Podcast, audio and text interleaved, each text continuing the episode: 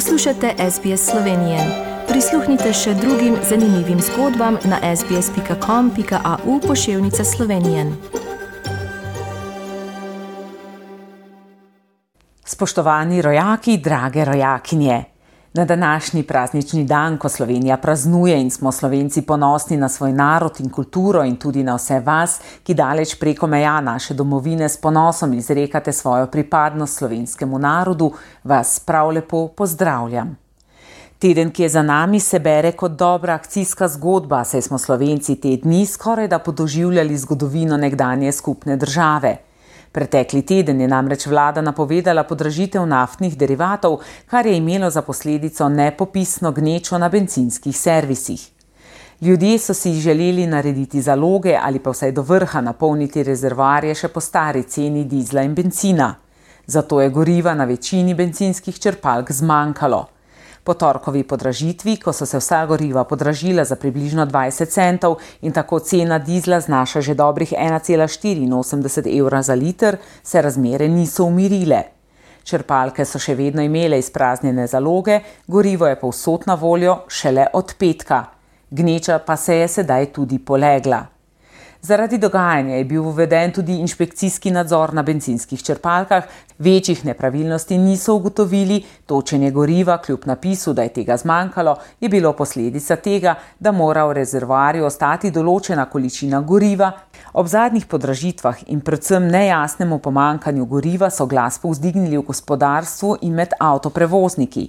Kot so poudarili, je zaradi motene preskrbe nastala velika škoda, saj marsikateri tovor ni bil dostavljen pravočasno. Opozorila pa so letela tudi na vlado in gospodarskega ministra, ki so ga slednji pozivali naj ne mudoma dogovori preskrbo z naftnimi derivati, saj je največja naftna družba Petrol v lasti države.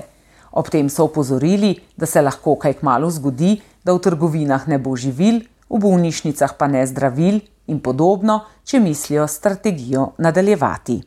Zaradi visokih cen so v zraku tudi kmetje. Draga pridelava hrane pomeni posledično ugašanje kmetij, se ob takih stroških gospodarjenje ne bo več smotrno in ekonomsko upravičeno. Ob tem je vlada že predlagala nekatere mogoče ukrepe, ki bi najranljivejšim pomagala skozi krizo, ki se napoveduje.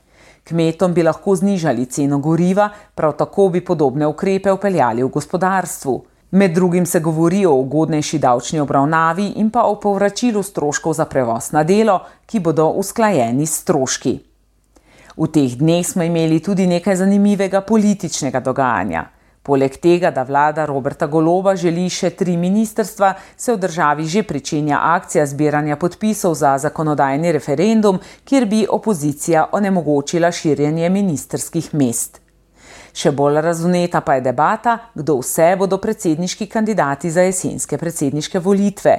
Svojo kandidaturo sta že potrdili Marta Kos, podpredsednica Gibanja Svobode, nekdanja veleposlanica in še predtem novinarka in pa Nataša Pirc Musar, odvetnica, predtem pa tudi informacijska pooblaščenka, mnogi jo poznajo tudi kot voditeljico srednjih dnevnih informativnih oddaj na televiziji.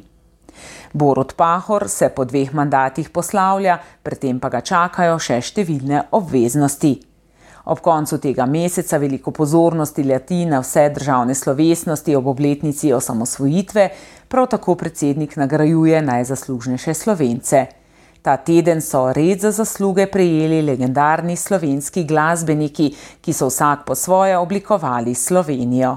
Lado Leskovar, Miha Dovžan, Andrej Šifrer, Vlado Kreslin in Oto Pestner so interpreti in avtori, ki so ustvarjali glasbo, s katero smo živeli in nam bo vedno lepšala dneve. Ob tem pa smo prav v petek 24. junija zaključili tudi šolsko leto. Za vse šolarje in dijake je bilo to leto bolj dobrohotno, saj večjega zaprtja šol zaradi epidemije ni bilo. Mladi se tako veselijo zasluženih počitnic, ki jih bodo izkoristili za prostočasne aktivnosti, tudi na bazenih. V Slovengracu so ravno te dni odprli enega najmodernejših bazenskih kompleksov v državi, ki se bo gotovo napolnil z obiskovalci. Vremenoslovci namreč napovedujejo vroče poletje z rekordnimi temperaturami. Že sedaj se vrstijo opozorila, da je potrebno skrbno ravnanje s pitno vodo, saj zaradi visokih temperatur in ponekod malo padavin slednje utegne primankovati. V vsakem primeru pa se vsi skupaj veselimo teh poletnih dni, ki bodo kljub vsemu prinesli nekaj sprostitve in počitka. O prazniku, dnevu državnosti, vsem voščim ponosno praznovanje. Budimo ponosni, da smo narod, ki se je vselej odlikoval s sodelovanjem, strpnostjo in borbenostjo. Naj živi Slovenija! Vsem vam pa voščim prijazen konec tedna. Dogodke sem za vas strnila Katarina Valentar.